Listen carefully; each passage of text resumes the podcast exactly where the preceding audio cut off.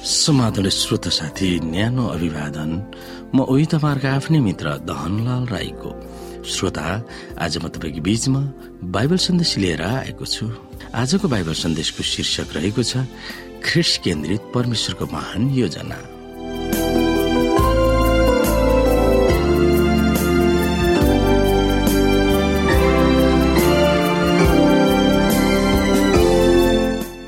श्रोता समय पूरा भएपछि उहाँले पूरा गर्नुभएको योजना कतिको फराकिलो छ भनेर हामी हेर्न सक्छौ। सम्पूर्ण बुद्धि र आन्तरिक समाजमा ख्रिसमा राख्नु भएको उद्देश्य अनुसार उहाँले आफ्नो इच्छाको रहस्य हामीलाई जान्न दिनुभएको छ। ताकि समय पूरा भएपछि स्वर्ग र पृथ्वीमा भएका सबै थोकहरू ख्रिसको अधीनमा आउन्। एफिसी एक अध्यायको नौ र दस। परमेश्वरको योजनाको बारेमा पावलले तीन तहमा कुरा गर्छन्। यो एकमा परमेश्वरको इच्छाको रहस्य दुईमा उहाँको उद्देश्य वा अभिप्राय र तीनमा समय पूरा भएपछिको योजना। परमेश्वरको योजनाको अन्तिम चरण के हो त? प्रत्येक थोक सबैतिरबाट यसुको अधीनमा राख्नु वा उहाँमा एकत्रित गर्नु हो। योजनाको बारे जुन शब्द पावलले प्रयोग गर्दछन् त्यो सचित्र छ। ग्रिक भाषामा त्यसलाई आनाके फाले ओसास्थायी हो। सबै थोक उहाँमा थुपार्नु हो। पौराणिक हिसाबको लेखामा सबै अङ्कहरू तल लेखिएको हुन्छ र त्यसको जम्मा माथि लेखिएको हुन्छ। परमेश्वरको अन्तिम हिसाबमा यसो शीर्ष स्थानमा हुनुहुन्छ। यो मुक्तिको योजनाको अन्तिम लक्ष्य हो। ख्रिस केन्द्रित योजना संसारको जग बसाल्नु भन्दा अघि कुदिएको थियो र यति यो विशाल र फराकिलो छ कि यसले सबै समयलाई ओगटेको छ। समय पूरा भएपछि र विशाल ठाउँ स्वर्ग र पृथ्वीमा रहेको सबै थोकहरू ओगट्ने। जगत ब्रह्माण्डमा ख्रिसका अधीनमा एकीकृत पार्ने परमेश्वरका महान योजना हो भनेर पवलले घोषणा गर्दछन्। समय पूरा भएपछि हुने परमेश्वरको योजनाको बारेमा छलफलमा एउटा विषयवस्तु उनको पत्रमा लेखिएको छ उनिएको छ। परमेश्वरले सबै थोक एकत्रित पार्ने योजना सुरु गर्नुहुन्छ। त्यो योजना यसुको मृत्यु पुनरुत्थान स्वर्गारोहण र उनलाई उच्च स्थानमा आसीन गरिएको आधारमा छ। हामी यहाँनिर एफिसी एकको पन्ध्र दुईको दस हेर्न सक्छौ। यहाँ एकको पन्ध्रमा लेखिएको छ प्रभु यशु प्रति रहेको तिनीहरूको विश्वास र सबै सन्तहरू प्रति तिनीहरूका प्रेमको विषयमा मैले सुनेको कारण नै मेरो प्रार्थनामा तिमीहरूलाई सम्झना गर्दै तिमीहरूका निम्ति धन्यवाद दिन म थामिन्न। म प्रार्थना गरिरहन्छु कि हाम्रा प्रभु ख्रिस्टका परमेश्वर र महिमाका पिताले तिमीहरूलाई उहाँको विषयको ज्ञान बुद्धि र प्रकाशको आत्मा दियो। यसै गरी दुईको दसलाई पनि हामी हेरौँ श्रोता किनकि हामी असल कामहरूका निम्ति ख्रिस यसुमा सिर्जना गरिएका उहाँका हातका सिप हौ।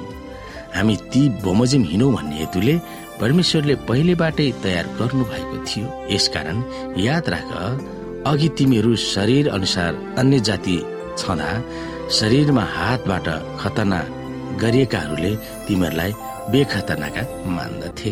चर्चको स्थापना गरेर र मानव जातिमा भिन्नता भएर टुक्रिएकोलाई एक सूत्रमा राख्ने यो योजना थियो। त्यसमा यहुदी वा अयहुदी जात भन्दा अरू सबै जातिहरू समावेश भएको छ।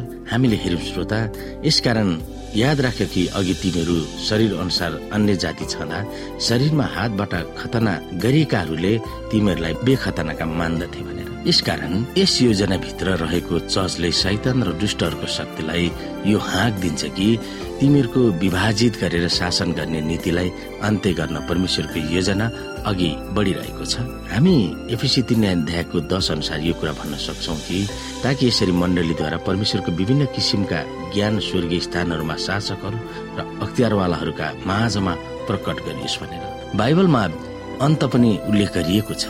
यसकारण हे स्वर्गमा रहनेहरू तिमीहरू रमाओ र तर पृथ्वी र समुद्रलाई धिक्कार छ किनभने आफ्नो समय अल्प छ भने थाहा पाएर दियावलस ठुलो क्रोध तिमीहरू कहाँ तल आएको छ भनेर प्रकाश बाह्रको बाह्रमा उल्लेख गरिएको छ। पावलको पत्रको अन्तिम आधा भागमा विश्वासीहरू एक हुन तीव्र अनुरोध गर्दछन्। जस्तो एफिसी चार अध्यायको एकदेखि सोह्रलाई हामी हेर्यौँ भने यहाँ एकतालाई खलल गर्ने वा बिगार्ने कुनै पनि तत्वबाट अलग हुनु भनेर लामो अर्थ दिन्छ र चर्चका विश्वासीहरूमा एकात्मकता वा एक प्राणताको नीति निर्माण गर्न हार्दिक आह्वान गर्दछ हामी अलिकति यहाँनिर एफिसी चार अध्यायलाई हेरौँ श्रोता।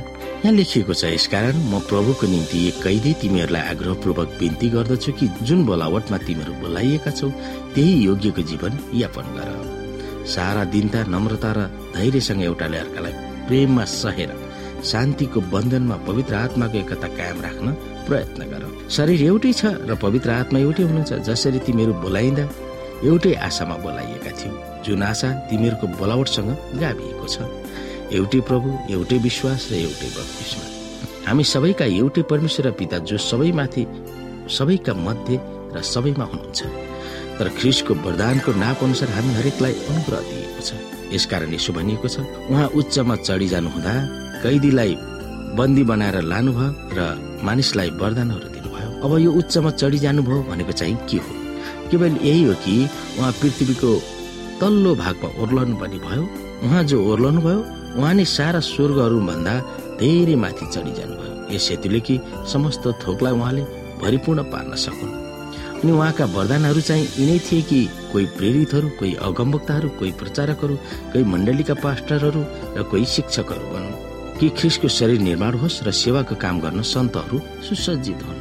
जबसम्म हामी सबैले विश्वासको र परमेश्वरको पित्रको ज्ञानको एकता प्राप्त गर्दैनौँ र परिपक्व मानिस बनी ख्रिसका पूर्णताको नापसम्म पुग्दैनौँ यसरी हामी छालले अघि पछि हुत्याइएका धार्मिक सिद्धान्तको प्रत्येक पतासले मानिसहरूका जालझेर धूर्तता र फट्याइले यताउता उडाइएका बालकहरू जस्ता नहुन् बरु प्रेमसित सत्य बोल्दै हरेक कुरामा हामी उहाँ समय अर्थात् ख्रिस समय बढ्दै जाउँ जो शिर हुनुहुन्छ। उहाँबाट नै सारा शरीर प्रत्येक जोर्नीहरूद्वारा जोडिएको र बाँधिएको भई प्रत्येक भागले ठिक ठिक काम गरी सुगठित हुनेछ र प्रेममा वृद्धि हुँदै जानेछ भनेर उल्लेख गरिएको छ। यसै गरी एफिसी चार अध्यायको सत्र र छको नौमा पनि चर्च भनेको एक भएको फौज हो जसमा विश्वासीहरू ख्रिसको नाउँमा शान्तिको निम्ति अभियानमा सक्रिय भाग लिन्छन् भनेर हृदय विधारक आह्वान गर्दै पावलले आफ्नो पत्रलाई टुङ्ग्याउँछन्। यसै ख्रिसमा मुक्तिको योजना व्यापक र महान छ भन्ने तथ्यलाई स्वीकारेर तपाईँ हामीले कस्तो अनुभव गरिरहेका छौँ? यही योजनाको प्रमुख भागलाई सबै थोक ख्रिसमा एकत्रित पार्ने परमेश्वरको निरन्तर अन्तिम योजना भन्ने आत्मज्ञान प्रति तपाईँ हामी सजग र संवेदनशील हुनु पर्दछ